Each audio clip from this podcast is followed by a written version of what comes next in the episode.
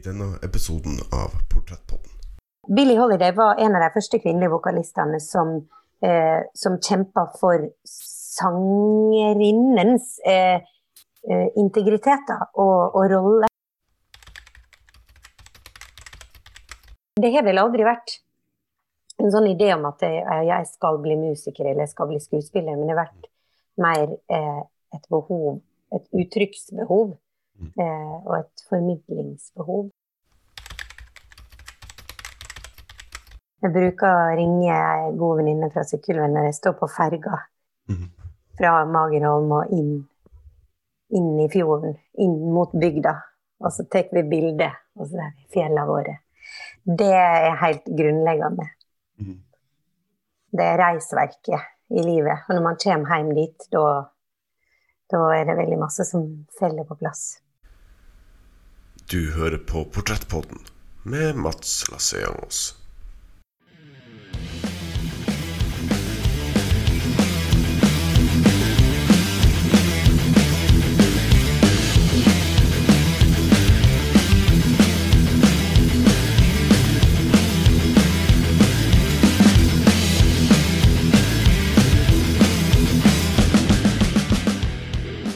Det stemmer. Du hører på en episode av Portrettpodden. En podkast hvor jeg, Mats Lasseangos, intervjuer mennesker som inspirerer meg, som får meg til å tenke, og som hjelper meg å forstå mer av verden rundt meg.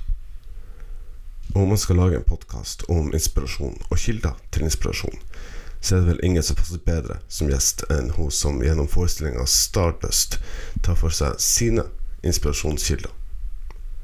Jeg snakker selvfølgelig om jazzsangerinne og skuespiller Hilde Louise Asbjørnsen. Og Hilde er kjent for mange eh, gjennom komikerduoen Asbjørnsen og Jo, som Lene Kongsvik Johansen. For sitt forrige soloshow, Lulu, 'Livet er en dans på renter', vant hun Komikerprisen. Hun har vært med i en drøss av musikaler, og spiller også på sag. Med det ønsker dere riktig god fornøyelse, og her er Hilde Louise Asbjørnsen. Hilde Louise Asbjørnsen, altså de yngste av oss kjenner deg kanskje som frøken Kanin i Karsten og Petra. ja. Mens oss eh, litt, litt eldre kjenner s- s- selvfølgelig eh, som eh, jazzsangerinne og skuespiller og tekstforfatter. Og eh, du spiller også på sag. Det er, er, det er det noe du ikke kan? Du, det er veldig mange ting jeg ikke kan. Eh, og så kan jeg veldig mange ting eh, litt. Mm. F.eks. å spille på sag. Det er en Altså, det er veldig minimalt, altså. Okay. Jeg vil si at det er et virkemiddel. Et, en ba bakgrunnssag Mhm. kan jeg. Okay. Mm. Så Ja. det, det, det, det, er ikke, det er ikke en plan B hvis uh, hele den jazzkarrieren ikke fungerer lenger? Nei, eh, jeg tror ikke jeg skal bli sag, sagartist. Ok. Men, eh, men hvem veit, kanskje det utvikler seg. Det er jo et eh, veldig gøyalt instrument. Ja da. Mm -hmm. det, det, det, det er også fint å også få den akustiske feelingen å spille på sag, men det blir kanskje litt verre å spille på motorsag. Det, det vet jeg ikke. Nei, jeg tror vi ikke skal gå digitalisere og, gå den veien, nei. Nei, ok. Skulle da egentlig, hadde det ikke vært for, eh, for korona, så eh, da skulle du egentlig vært aktuell nå med forestillinga Stardust på Ja. Edderkoppen scene i Oslo.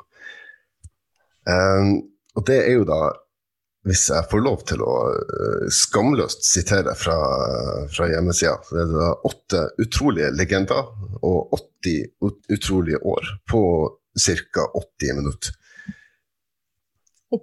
Ja. Eh, og det er jo da ei forestilling basert på ei bok som du sjøl har skrevet om dine musikalske heltinner fra, fra forrige århundre.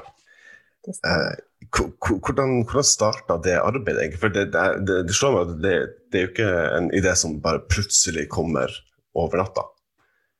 Nei, nei, du vet jo hva, den eh, Jeg, jeg har jo hele livet mitt hørt på eh, gammel jazz, og eh, jeg har hørt på kabaret fra, fra mellomkrigstida og Edith Piaf Duke Ellington og alt dette her. Det er jo mine inspirasjonskilder og verktøy i mange år. Men eh, jeg ble spurt om å, å gjøre en forestilling som handla om eh, store stjerner fra gamle dager. Eh, som var en veldig flott og spennende forestilling. Den heter 'A Star Is Torn'. Og Grete Kausland gjorde den på 90-tallet. Ja. Eh, den er skrevet tidlig 80-tall av en australsk eh, regissør, skuespiller og dramatiker. Og var da ment som en hyllest. Men i dag så var det manuset på en måte veldig eh, Hadde et veldig annerledes fokus. Eh, det handla om tragediene. Og det handla om eh, at alle hadde dødd litt for tidlig. Eh, at jeg var avhengig av diverse medikamenter eh, og, og, rusmidler. Og, og, stort sett var blitt veldig dårlig behandla av alle mennene rundt, rundt deg. Og det um, I dag så trenger vi tenkte jeg, vi trenger et litt annet fokus på de damene her. Og så tenkte jeg også det må være så mye mer spennende fra deres liv som ikke står i det manuset her. Og da endte det med at noen sa skal ikke du bare skrive en forestilling sjøl? Eh, og da oppsto Stardust. Så det var Og det er jeg så glad for i dag. Mhm. Fordi det sendte meg jo ut på ei jordomseiling, på en måte. Altså i hvert fall i litteraturen. eh, og, og lærte meg så masse om de damene, de artistene som jeg har valgt, som jeg ikke visste fra før av. Så i den researchprosessen, for man må jo gjøre grundig research når man skal faktisk fortelle om noens liv som har vært levd, da oppsto også ideen om å skrive ei bok. Okay. Eh, Så det man kan si at det baller på seg. Ja. Ja. Mm.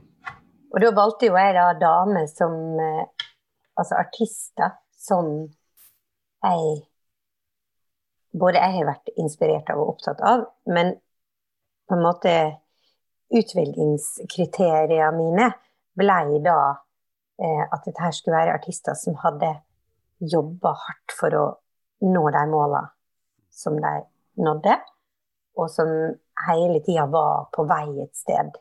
Som ikke på en måte til, ikke tilfeldigvis havna der de havna fordi noen knipsa med fingrene. Eh, eller at de var født inn i det, f.eks.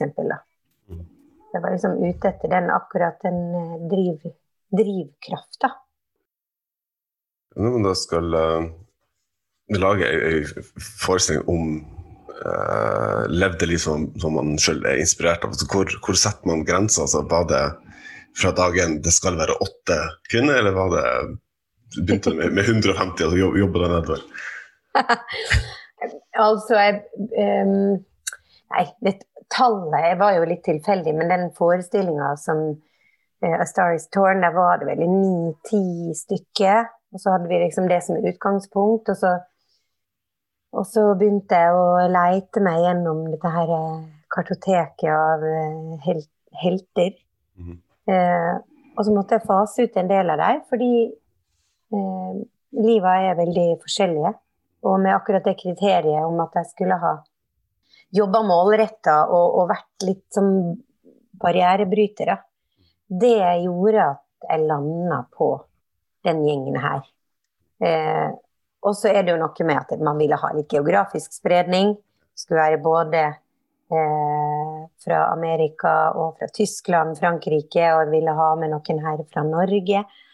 Um, og så har de på en måte de fletter, Livet deres flettes ganske fint inn i hverandre, både når det gjelder eh, tidsperspektivet. Mm. Vi er jo, befinner oss mellom 1890 og 1960. Det er jazz-æraen. Mhm. Eh, vi slutter før diskoen kommer i Stardust. Eh, og begynner litt før jazzen eh, oppstår, da. Men, Mm. mens kabaretformen er på en måte spirende. Um, så da blei det Men jeg var vel kanskje oppe i en eh, 20 forskjellige folk som lå på, på boka. På, på lista. Hvordan er det altså når um, altså, det er en ting å, å, å det, spille i en uh, selvskreven uh, forestilling, men, men, når man da i tillegg skal måtte, spille sin, sine helter, hvordan, uh, hvordan er det arbeidet annerledes enn når man skal snakke om økonomi, f.eks.? ja, forrige soloshowet mitt var jo en forestilling om finans. The Lulu Show. Eh, vi har brukt litt samme grepet her, at fordi man Altså, jeg går ikke inn Dette her er ikke ei eh, konsertforestilling. forestilling. det er masse humor, og det er teaterleik. Så vi leker jo. Jeg leker Marlene Dietrich. Jeg leker at jeg har veldig lange bein. og går liksom med sånne lange steg. Mhm. Litt sånn fremoverlent underliv. Så får man lange bein. Mhm. eh, og Så det er jo en litt sånn eh, tegneserie Et tegneserietake på mhm. scenen. Og i tillegg så forteller jeg veldig masse om tida jeg levde i. Eh, om andre karakterer som var rundt der. Vi snakka om Al Capone, som var veldig opptatt av jazz, eh, med glimt i øyet. Eh, og, altså, det er gjennom alle tidsfasene. Vi har liksom Filmavisen fra 1930-tallet. Um, så det er masse tull og tøys, og så er det en del musikalske utdrag, da. Mm. Der, eh, og der får jeg lov å prøve å, å, å spille litt. Uh, men uh, av respekt for de opprinnelige kunstnerne, så har vi valgt å ikke gå inn og prøve å imitere musikalsk sett. Da synger etter de kule låtene der, med et mm. lite touch av, av deres sin stemme, men i min egen tolkning, da. Mm. Men det er jo utrolig stas å få lov å fortelle folk om deg fra mitt ståsted. Og nå når jeg, jeg er, en, en, ganske grundig person, så jeg, nå, nå veit jeg nå er jeg trygg på at alt jeg forteller, det er sant. Og det der vet jeg, for jeg har lest utallige biografier og sjølbiografier. Og nå kan jeg formidle dette her med trygghet, og, og jeg er også begeistra for de damene nå. Mm. Eh, fordi de har inspirert meg nå, særlig også gjennom koronatida, å lese om de livet og hvordan de takler pandemier og eh, diskriminering, fattigdom, økonomiske kriser. Mm. Og bare fortsatte og fortsatte og fortsatte og fortsatte. Mm. Eh, og det tenker jeg at vi trenger litt nå i den tida her.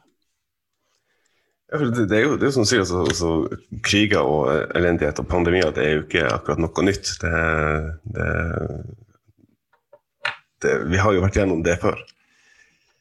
Ja, det har verden sett mange ganger. Og så ja. er vi jo det veldig godt oppe i Norge, selvfølgelig. Vi blir veldig godt tatt vare på ja. her, og vi er så godt vant. Eh, så vi har jo vært eh, skjerma fra de virkelig store eh, katastrofene og påkjenningene som folk. Mm. Og nå er det vår tur også på lik linje med alle andre, selv om vi også nå har det jo mye lettere jevnt over da, enn i veldig mange andre land i verden. Mm. Jeg tenker jo ofte på mine kollegaer på Broadway og West End, -hmm. f.eks. I New York og London. Å være jazzmusiker Det er noe. Ja. Folk, eh, folk skifter totalt eh, eh, karrierevei. Mm de, for, å få, for å få sosialt stønad, så må, må, de jo selge alt de eier. Ja. Får ikke sosialt stønad hvis du eier en bil. Ja. Og det vil jo si at de må begynne helt på null igjen på andre sida. Alt av sparepenger, alt av investeringer. Så eh, man kan si masse om, eh, om kulturpolitikken eh, her til lands, men ja. Vi bør nok ikke klage, altså. Sånn i det store og det hele så bør vi ikke det. Og uten å klage så, så veldig mye, da, så, så, skulle du jo egentlig hatt eh, premiere på, på Stardust eh, for eh, drøyt to uker siden. Ja. Eh, men så har det da blitt, eh, blitt utsatt pga. Uh, en pandemi, uh, tro det eller ei. Um, det, det, er jo ganske, ganske langt arbeid, så hvordan, hvordan, altså, hvordan opp, opprettholder du den, den, mentale styrken til å alltid være uh, klar til å møte publikum, og så få den beskjeden at det, nei, vi må vente litt til? Eh, nei, det har vært litt sånn opp og ned på humøret her hjemme. Mm. men, det er jo rart, altså. Jeg, jeg, har hatt perioder da jeg har vært sånn utrolig utmatta på kvelden. I vanligvis i en sånn oppkjøring til en premiere, så er man jo sånn Duracell-kanin. Du går på prøve, du er kjempesliten, men du kommer hjem igjen, og hodet fortsetter å spinne. Og det er opp med manus og du står og lager mat og tar dansetrinn, og det liksom Det går bare av seg sjøl, for at du mm. veit at du må være klar. Og det kjente jeg i prøveperioden nå, at det var veldig tungt. For jeg visste ikke om det kom til å bli. Men så tikka det inn i Altså, eh, når det nærma seg den, eh, den eh, premieren, så, så tikka det inn igjen. Takk og pris. Så det er på en måte en sånn motor men jeg tror eh, vi kanskje opparbeider oss eh, i vi Hva vi si utøvende kunstnerne opp gjennom åra. Og den går av seg sjøl. Så, uh, så den, heldigvis så satte den inn da den siste vika. For da måtte jeg visste at jeg måtte være klar. Vi satt og venta på Raymond. Hva skal Raymond si? Når skal Raymond snakke? Er det i morgen? Nei, det var ikke i morgen. OK, kommer det OK, det kommer dagen før premieren. OK. Eh, og da, da Det man kjenner på, er jo den derre entusiasmen og sommerfuglene for å mhm. endelig få lov til å møte folk og vise dem det jeg har lagd og det vi har skapt, og alt lys og lyd og kostyme, og fortelle de historiene. Så det giret der, det skal man jo på en måte være takknemlig for at finnes. Da. Ja. Mm. Hvor, eh, hvor, populær er eh, Ramu Johansen og Abid Raja i Asbjørnsen-husholdningen? Jeg syns at Jeg syns litt synd på, på dem, altså, som blir kasta inn i dette her. Ja. Nå er klart eh, de har masse bra folk og rådgivere rundt seg, og nå er de, begynner de å få ganske god oversikt. Jeg tenker at de fleste gjør sitt beste, og så tenker jeg at de ofte Man blir lei seg. Vi blir lei oss når vi ikke blir nevnt med et ord. Ja. Når vi er et sånt komma mellom skjenkeløyve og kjøpesenter. Så, så, kjenner jeg på det, selvfølgelig. Mm. Fordi man må man, man kan faktisk spille teater. Eh, og det er ikke servering på kinoene. Det er noe helt annet. Eh, så det er jo en liten eh, sorg eh, oppi det hele. Men jeg tenker at det er de er en del av et stort system, og det er så mange faktorer. og det er så mange føringer, politiske føringer som vi ikke får vite om, og som avgjørelser som blir tatt, som vi vet at vi ikke får vite om i koronakomiteene. Mm -hmm. Så jeg prøver å ikke legge ting på personene som står og fronter det for oss. Nå når vi fikk eh, den siste kroken på døra Vi hadde booka Edderkoppen teater i tre uker. Ja. Så nå har ikke vi det teatret lenger. Hvis det åpner i mars, så har ikke vi Edderkoppen teater. Så nå er vi på, driver og setter opp en, en, ny avtale. Men jeg kjente faktisk på eh, den siste kroken på døra på Edderkoppen, når vi pakka ned da kostyme og scenografi og instrument og drev og rigga ned uten å ha spilt. så var det nesten en liten lettelse. Fordi nå um, kan man slappe litt av på ordentlig. Ja. Eh, og la den der sirkushesten altså legge den ned i en boks og sette på hengelås. For det kan bli litt, bli litt heftig for blodtrykket og, og humørsvingningene her hjemme. Ja. Så, uh, så, nå i helga så tok jeg faktisk ordentlig sånn Ferie! Jeg skal faktisk ha en liten ferie. Og det er jo rart med det, men når, når, jeg, er inne, når jeg er inne i sånne langsiktige prosjekt langsiktig skriveprosjekt som den boka er verdt. Jeg har jobba med den i ett og et halvt år. Mm. Så, så vil jo mannen og sønnen min skrive ned på at nei, mamma hadde ikke sommerferie. Hun var der, men hun hadde ikke ferie. Nei. Og det stemmer jo. Mm. Så um, nå kan det kan være godt å være litt mentalt til stede her hjemme. Ja. Inntil vi får en ny dato. Du hører på Portrettpodden med Mats Lasseangos. Um, altså det, for- forteller jo om at altså de, de åtte mest uh, innflytelsesrike uh, uh, kvinnelige kunstnerne i denne forestillinga. Men hva hva har vært det mest overraskende du har lært om de personene mens du jobber med, med boka eller, eller med forestillinga? Jeg har hatt så mange å- åpenbaringer underveis her. Så det er jo mange ting jeg har oppdaga. Jeg ser jo søtte og ledd høyt her. Folk lurer på hva det er som foregår. Er bare «Ah! Er det sant? Du er klar over hva May West gjorde?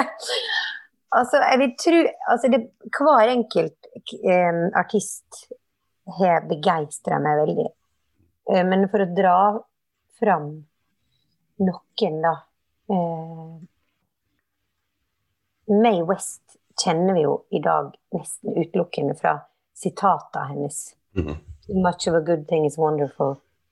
Uh, is that a gun in your pocket, or are you just happy to see me? Mhm. For eksempel. Uh, uh, good man is hard to find, but a hard man is good to find, videre. Det er jo ting som står igjen fra May West. Og hun var jo filmstjerne til hun var 83 år, Mhm. eh, og, og ble til og med da sett på som vulgær. New York Times skrev at bestemor burde vaske munnen sin med såpe. Så hun var jo, hun var jo helt hårreisende. Men det som overraska meg sånn med henne, er at hun skrev altså sine egne teatermanus og filmmanus fra 20-tallet, og tok med seg Hun var sin egen produsent. Hun kjøpte ut investorene når hun skjønte at hun hadde lagd en suksess. Så kjøpte hun ut investorene på forhånd, så hun skulle sitte igjen med mest mulig penger sjøl. Og revolusjonerte Hollywood i å ha i kontraktene sine at det, hun skulle skrive sine egne replikker. Og det fant jeg jo ut etter hvert at det var jo veldig smart, for at hun var så utrolig skarp og god. Eh, Og publikum elska det. Men hun var veldig politisk, både på vegne av eh, kvinnelig seksualitet og, og styrk, autoritet. Eh, hun kjempa hardt for å få med afroamerikanske skuespillere i filmene sine, som ikke bare skulle spille serveringsdame fra venstre som kommer inn med et fat, men som faktisk hadde replikker og, og karakterer eh, som var viktige i handlinga. Og hun var den første som, eh, som også klarte å få med um, et vaskeekte afroamerikansk jazzband på film. Hun henta Duke Ellington til filmen for første gang. Hun henta Louis, Louis Armstrong til filmen. Så dette her er jo ting som, vi, som jeg blir veldig tent av og, og imponert av. Eh, at Josephine Baker var så politisk, det kan man jo finne ut hvis man graver litt. Men hun er jo mest kjent for det bananskjørtet. Mm. Eh, og at hun, at hun var eh, dansa veldig avkledd på 1920-tallet. Eh, men eh, hun ble jo etter hvert eh, kanskje en av de første politiske artistene. Hun var jo Mhm. politisk aktivist på 50-tallet. Ja. Reiste rundt i sørstatene og, og nekta å spille for segregert publikum. Hun ble jo Hun fikk jo ei kjempe eh, hos FBI over natta. Ble jo sett på som en mulig statsfiende og en rød fare. Ja, og var spion under krigen for den franske motstandsbevegelsen. Det er jo utrolig masse Mhm. snacks som man kan eh, kose seg med. Og også at Billie Holiday, som vi veldig mange elsker for den såre, nære eh, eh, tekstformidlinga si og stemmen. Og vi kjenner til eh, Man lytter etter 'Å ja, hun, hun, hun, drakk veldig masse, og hun gikk på heroin', og 'her hører du hun begynner å bli sliten', ja, det var den plata. Det er liksom det vi er mest opptatt av. Men at hun eh, tidlig på 30- og 40-tallet i et veldig mannsdominert musikermiljø. Mm. Eh, var en av de aller første sangerinnene som, som insisterte på å synge det hun ville synge, ikke det som sto på repertoaret til bandet. Billie Holiday var en av de første kvinnelige vokalistene som, eh, som kjempa for sangerinnens eh, integritet integritet og, og rolle i bandsammenheng. Mm. Så hun gikk jo til Count Basie-bandet, f.eks., med sine egne blekker, og fortalte hvordan hun ville at de låtene her skulle spilles. Så han skrev arra ut ifra hennes ønske om tempo og, eh, og arrangement generelt sett. Ja. Det visste vi ikke. Eh, eller det er kanskje ikke så mange visste. Så det er veldig mange oppdagelser her, og det er veldig kult å høre at den, den dama der var så kompromissløs som hun var. Det blir jeg veldig inspirert av i dag. Ja. Så er det noen Kanskje litt, litt teit spørsmål, men er det noen av de, de egenskapene som, de, som, du har nylig oppdaga, som du har tatt med deg sjøl i, i, egen karriere? Altså, blir du mer fryktløs? Blir du mer uh, aggressiv i hermetegnene? Ja, altså. Det, dette har jo vært eh, noe jeg egentlig jobber med gjennom hele karrieren. Å stole på Å stole på min egen intuisjon. Jeg har veldig, jeg har veldig respekt for uh, musikerne som jeg jobber med. Det har jeg alltid hatt. Både fordi at jeg beundrer dem, uh, uh, fordi de veldig dyktige og stor, de er store kunstnere. men også på en måte tørre å komme inn i dette her med mine blyantskrevne noter og, mm. og, og mine eh, låtideer som, som, ikke er med, skrevet med korrekt jazzharmonikk i det hele tatt, men som kommer fra mitt haud, ja. eh, som, som, ikke har gått på jazzlinja. Mm -hmm. um, det har vært en prosess veldig lenge. Mm. Stole på det, og tørre å også kjempe for uh, ideene sine. Mm. Uh, men, um, men uh, i løpet av prosessen med Stardust så tror jeg kanskje jeg har har lagra, forhåpentligvis Jeg håper og tror at jeg har lagra litt mer sandnivåskhet mm. på vegne av hva jeg har lyst til å si ja. eh, med, med, det jeg skriver og det jeg skaper. Og tørre å si det og stå for det. Fordi vi er I vår tid så er det jo eh, Man skal være veldig politisk korrekt. Mm -hmm. Og det er veldig mange hensyn å ta eh, i vår eh, krenkelsens tid. Eh, vi har akkurat vært gjennom en eh, metoo-fase der vi har hatt et veldig sånn uh, Som var veldig viktig. Helt grunnleggende. Revolusjonært, altså.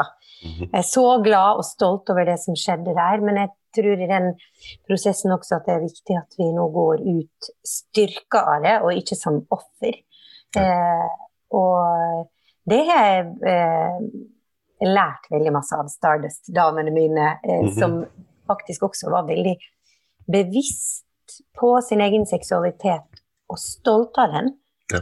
Eh, og brukte den med overlegg, ikke fordi de måtte, fordi de var kua og det var det som var forventa av dem, men de var opptatt av det. Mm -hmm. eh, og det tror jeg eh, jeg skal ta med meg enda litt mer i tida som kommer. Du hører på Portrettpodden med Mats Lasseangos. Det er jo, altså, bare, for, å ha det eh, nevnt, det er jo da snakk om Edith Piaf, Marlene Dietrich, May West, Josephine Baker, Bessie Smith, Billie Holiday, Marilyn Monroe og Bokken Lasson. Så det er jo det er ikke hvem som helst eh, du lar deg inspirere av. Det er store, store stjerner, altså. Ja. Mm -hmm. Så tenker, hvis, hvis vi først skal lage en forestilling om, eh, om, hel, om, helter, så er det jo, er jo greit å starte på toppen. Like så greit. ja, ikke sant. Men det har også vært et dilemma, for man kunne jo selvfølgelig valgt å dra fram eh, mer ukjente eh, artister, som også har vært toneangivende og viktig. Eh, men det får bli neste forestilling. Ja. Uh, spare det materialet til, til oppfølgeren. Ja. ja. Altså, mange kjenner deg som, som, som jazzsanger, men også som, som scenepersonlighet gjennom uh, mange uh, musikaler og kabareter og, uh, og Asbjørnsen og Jo. Og det, det har liksom alltid vært musikk og, og teater i, i, i hele, hele, pakka. da. Um, mm. uh, blant annet da uh, den første norske kvinnelige konferansieren i kabaret. Ja. Når det ble satt opp i 2017, hvis researchen min stemmer. Ah, bra jobba. Ja, ja, takk, takk. så for å, for å, bruke det som litt springbrett, over til, til, til kabaret. altså hvor Altså, du har jo da studert teatervitenskap. Uh, for å omsider komme, til, uh, komme fram til spørsmålet her. Um, var det alltid en, en plan at du, du, skulle på, på scenen? Altså, var, det, var, var som skuespiller, eller var det du skulle bli musiker? Så hvor, hvor, eh, på, hvilket tidspunkt kom det, det valget? Jeg har vel Altså, jeg tror jeg begynte på teatervitenskap på Blindern ganske tilfeldig. Det var det, det, faget, det ordet teater, som lyste mot meg fra lista. eh, fordi jeg har jo på en måte alltid vært, eh, vært opptatt av musikk og, og teater og humor, eh, men vokste opp i lille Sykkylven som ikke hadde et veldig Det var jo det var ikke noe aktivt teatermiljø der. Men jeg var jo med på alt som var mulig eh, som hadde en form for underholdningsverdi. Mm. så jeg har hatt et sånt uttrykksbehov hele veien. Men det var vel først da jeg møtte Lene Kongsvik Johansen i Studentteatret på Blindern, Teater Nøff. Og sammen med, med Taran Grønli, som sånn, også gikk på teatervitenskap og var en produsentspire, så mhm. rotta vi tre oss litt sammen og fant ut at vi må lage noe sjøl. Eh, for da hadde vi fått ganske, vært med på mange studentteaterproduksjoner og, og liksom blitt trukket fram i anmeldelser og sånn, så skjønte vi at oi, dette her Ja, det er mulig vi har et eller annet her som vi kan gå videre med. Så vi tok det steget og lagde vår egen forestilling som vi hadde premiere på, på Smuget. Og da skrev jo vi også en del eh, eh, musikk. Vi skrev tekst og musikk sjøl. Eh, hadde vel ikke med eneste coverlåt. Eh, og i den prosessen med å skrive den første forestillinga, som heter Noraprisen, som var eh, en, en, svært sånn Det var ironien som var hot på den tida. Det her var i 1999. Så det var jo en eh, ironisk hyllest til den moderne kvinne. Litt sånn uh, uthengning uh, av det som liksom skulle være den moderne kvinne. Med Nora Helmer, da, som som leder det hele an. Mm. Men da skrev vi musikk, og da begynte jeg å skrive låter ved pianoet hjemme på hybelen. Og, og de låtene der var helt tydelig i en sånn jazzsjanger. Og da begynte det på en måte å rulle opp i hodet. Da skjønte jeg at nå, her er det masse på hjertet som må ut. Og kontakta da jeg jobba både med Nissa Nyberget, som hjalp meg og spilte for første gang en, en, en profesjonell pianist som spilte notene som jeg hadde skrevet og jeg sang til, og vi fant ut at mhm. wow, dette her er jo et eller annet. Så fikk jeg jobbe med Per Husby, som var med i det første bandet mitt. Uh, og så uh, begynte det på en måte å og ruller. Da. Så, eh, så, det har vel aldri vært en sånn idé om at jeg, jeg skal bli musiker eller jeg skal bli skuespiller, men det har vært mer eh, et behov, et uttrykksbehov mm. eh, og et formidlingsbehov eh, som har vært drivkrafta hele tida. Og det er vel derfor det har eh, kommet ut i så mange forskjellige varianter, da, tenker jeg. Jeg tenker jo Det jo, blir kanskje feil av meg å, å påstå, men eh, det, det, virker sånn at jo flere bein man har å stå på, jo, jo lettere er det å, å, finne sin plass i underholdningsbransjen, kan man vel si. Ja, det kan vel hende det. At det er På en måte så har man jo da flere muligheter. Eh, fordi man må jo holde seg gående i dette her eh, gamet. Men jeg har vel også følt det som en liten utfordring, fordi folk har kanskje vært litt forvirra. Men hva er du egentlig? Eh, og hva er det egentlig du driver med? Eh, at man har vært litt sånn eh, Hatt litt mange masker. Eh, men jeg er veldig glad for at jeg har tviholdt på alle de uttrykka, Fordi de, og jeg føler vel kanskje i de senere åra at jeg har klart å forene dem. At det mm. går an å være eh, humoristisk i ei jazzlåt. Mm. Eh, det hører jeg Det hører faktisk i hop. Jazz og underholdning. Jazz er underholdning, og eh, opprinnelig så var det veldig masse humor i jazzen også. Eh, selv om det er litt unorskt. Mm. Den norske, nordiske jazzen er jo litt mer over i en ren kunst kunstmusikk, og har jo kjempa for rollen sin som, eh, og for anerkjennelsen som, eh, som et kunstuttrykk. Ja. Det er jo kanskje derfor man har fasa ut eh, humoren, fordi den er alltid blitt sett på som litt lettere underholdning. Men jeg er veldig glad for at jeg holdt på det nå, for nå kan jeg bruke det både på showscener og på jazzscener. Eh, så nå føler jeg at jeg står trygt på alle beina mine samtidig. Altså, I, i aller, aller, verste fall, altså skulle alle andre prosjekter ryke, så kan du eh, altså, Du kan synge 'La vie en rose' mens du stepper og spiller på sag. Ja. ja. det får bli siste utvei. Hvis alt annet feiler, så har du det i hvert fall. Ja. Takk. Skal jeg skrive ned. um, grunnen til at jeg brakte opp den, den forskjellen mellom, mellom, mellom, teater og, og, og, musikk, er at um, jeg har hatt, hatt gleden av både å se deg i, i teatersammenheng og, og uh, med, med, eget uh, band. Uh, sist, sist, gang i, i, Tromsø for et par år siden. Så kjekt. Ja. Så, så føler du det her blir kanskje litt unødvendig stort spørsmål, men føler du noen at det er lettere å spille en rolle eller, altså, enn å være Hilde Louise på scenen og være seg sjøl i uh, to og en halv time? Mm. Uh, jeg tror det er Det er litt sånn sesongavhengig, fordi når jeg har stått uh, vært spilt musikal, f.eks., som jeg har gjort noen ganger nå, så er det på en måte det er veldig takknemlig, fordi det er så konkret. Mm. Du får den teksten av noen andre, noen andre som har skrevet den.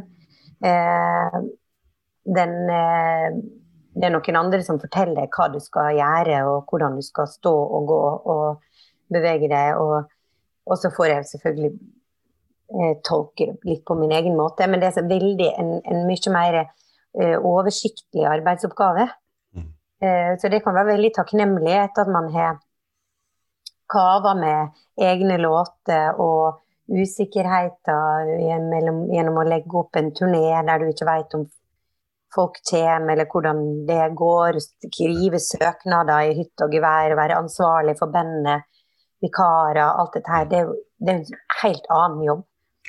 Da kan det være veldig deilig å bare gå inn i en rolle, men så Samtidig, når jeg da er ferdig med seks måneder med musikal, som det gjerne er, så er jeg så lykkelig over å komme tilbake til bandet mitt og rett og slett bare spille låtene våre. Og tøyse og tulle og være seg sjøl på scenen. Så jeg, jeg, tror jeg er egentlig like glad i begge deler, og at det kan være godt med en liten pause fra seg sjøl av og til. Mm. Eh, men det er helt det, er veldig forskjellige ting, fordi på med bandet mitt så skal jeg jo da både være meg sjøl og stå for de låtene og den formidlinga og den stemninga jeg prøver å skape. Men det er jo også ei rolle eh, som går bedre av og til og dårligere av og til. Mm. Eh, så Nei, jeg er veldig glad i begge deler. deler. Mm. Jeg hørte, Mens jeg gjorde research, så hørte jeg bl.a. en, en annen podkast du gjorde med din, eh, din humorkollega Jon Niklas Rønning. Um, ja, men da, da, sa du uh, annet altså, Det var snakk om om du ville gjøre standup. Da, da altså, Må det handle om meg? Altså, jeg, derfor var jeg litt sånn nysgjerrig på altså, er, du mer komfortabel som, som deg sjøl eller som en, som en karakter? Men det har du svart ganske fint på, da. Og ja, sa jeg det? At om det må handle om meg sjøl, ja. ja. Det er jo ut av kontekst, da. Så det er ja, det er litt ut av konteksten, men jeg skjønner jo Det er litt interessant at du tar det opp, fordi i Stardust så har vi faktisk en del sånne standup-grep. Eh, fordi jeg forteller veldig masse, og mm. snakker. Mm. Forteller om det livet, setter litt inn i vår kontekst, slår vitser. Uten å være i rolle. Men det er jo faktisk meg sjøl som forteller om noen som har betydd masse om meg. Nei, for meg. Eh, og så blir jeg litt personlig inni der på et mm. tidspunkt. Og det fant vi ut at det, det er faktisk eh, veldig viktig i den forestillinga. Mm. Man forteller litt hvorfor. Hvorfor jeg er dette her. Ja. Eh, så Og det er jo litt den eh, det er jo et sånt tveegget sverd, eh, tenker jeg, for innenfor standupen. For folk vil veldig gjerne ha litt av den personen man står og hører på. Man må bli litt kjent med vedkommende for å tror jeg, for å eh, ta det for god fisk, da. Alt det man forteller. Mm.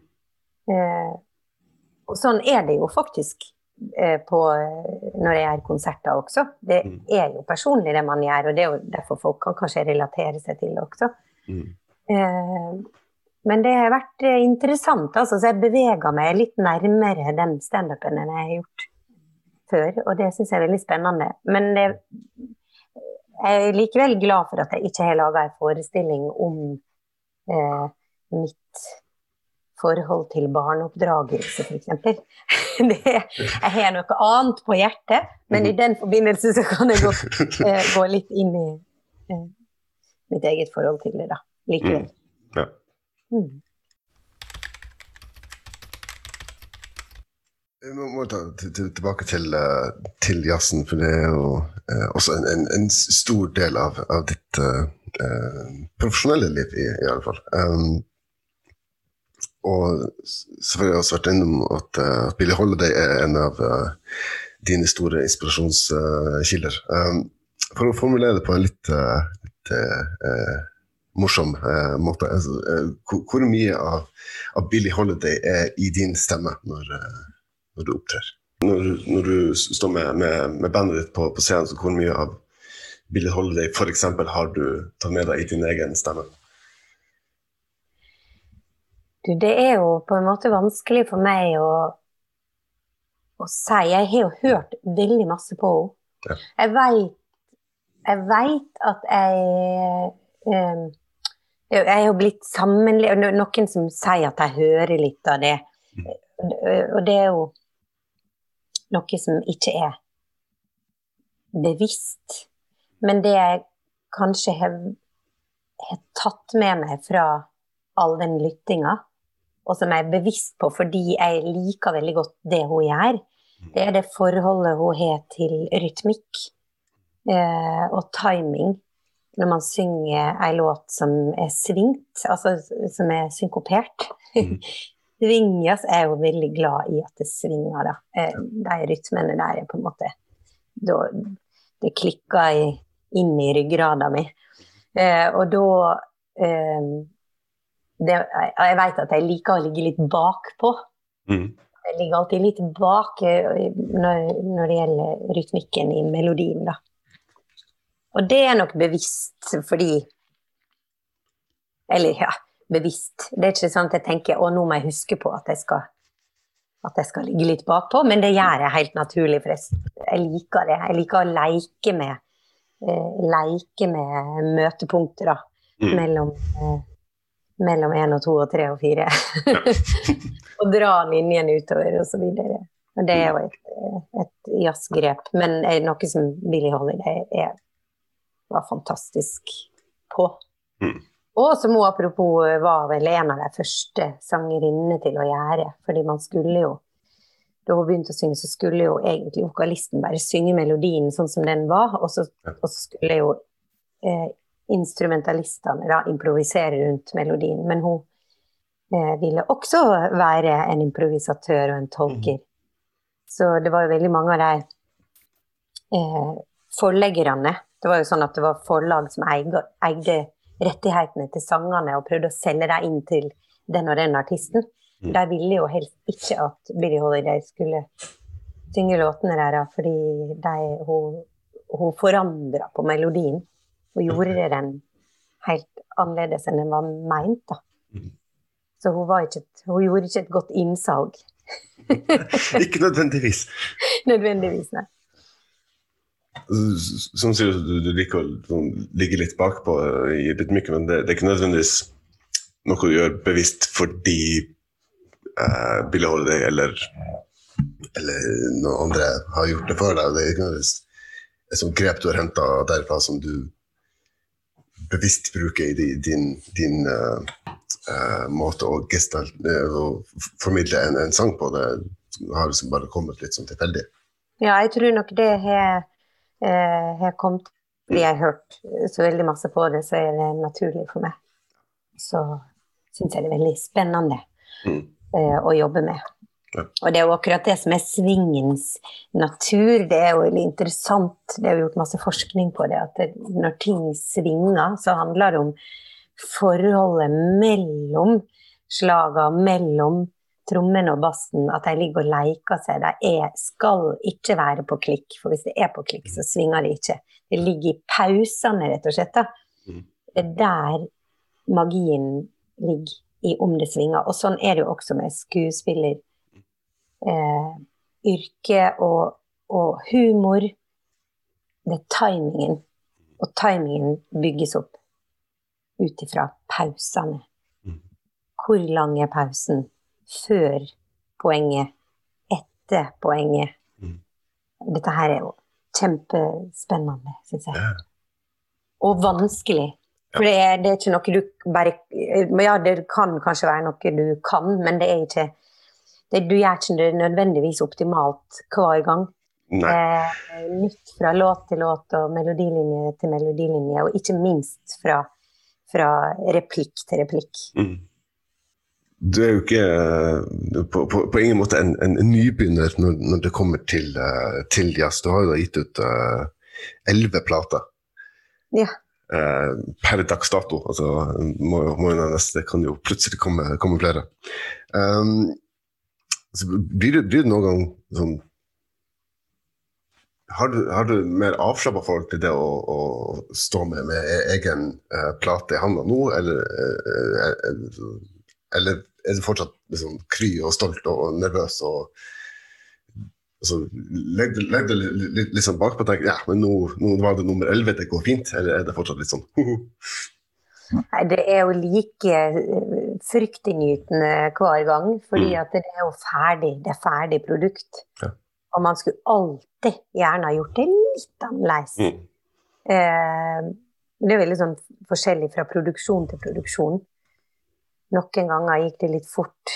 Eh, andre ganger var det miksen man gjerne egentlig skulle hatt litt mer tid på. Eh, men, eh, og det er jo også en, eh, en sånn lang læringskurve. Eh, som jeg også håper og tror at det, man blir aldri helt utlært. For det er jo det som er gøy. At du oppdager nye ting underveis.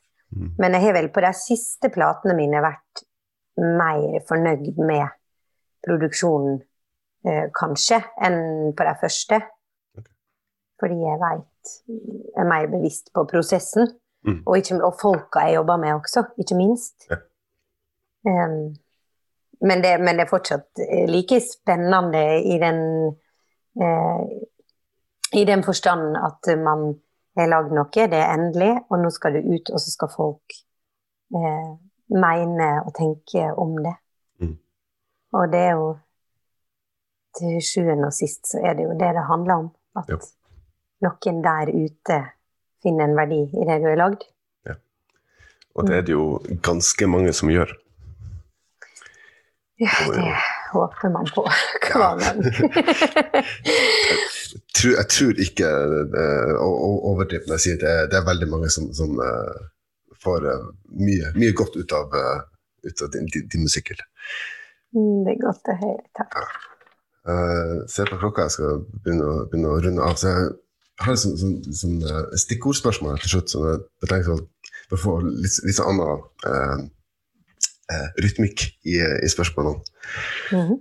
Uh, så gir deg et, eh, et navn eller et, et eh, dilemma, kan man si. Og eh, bare svare det, det første du tenker på. tenk trenger ikke nødvendigvis å komme uh, direkte, men det første som, som dukker opp. i hvert fall. Uh, så for eksempel, hva er det, det første du tenker på når jeg sier Sykkylven? Fjella mine, fjella våre. Jeg bruker å ringe ei god venninne fra Sykkylven når jeg står på ferga mm. fra Magerholm og inn, inn i fjorden, inn mot bygda. Og så tar vi bilde, vi fjella våre. Det er helt grunnleggende. Mm. Det er reisverket i livet. Og når man kommer hjem dit, da, da er det veldig masse som faller på plass. Og familie. Familie og røtter. Som er veldig viktig for meg. Lene Kongsvik Johansen. Sjelevenn. Eh,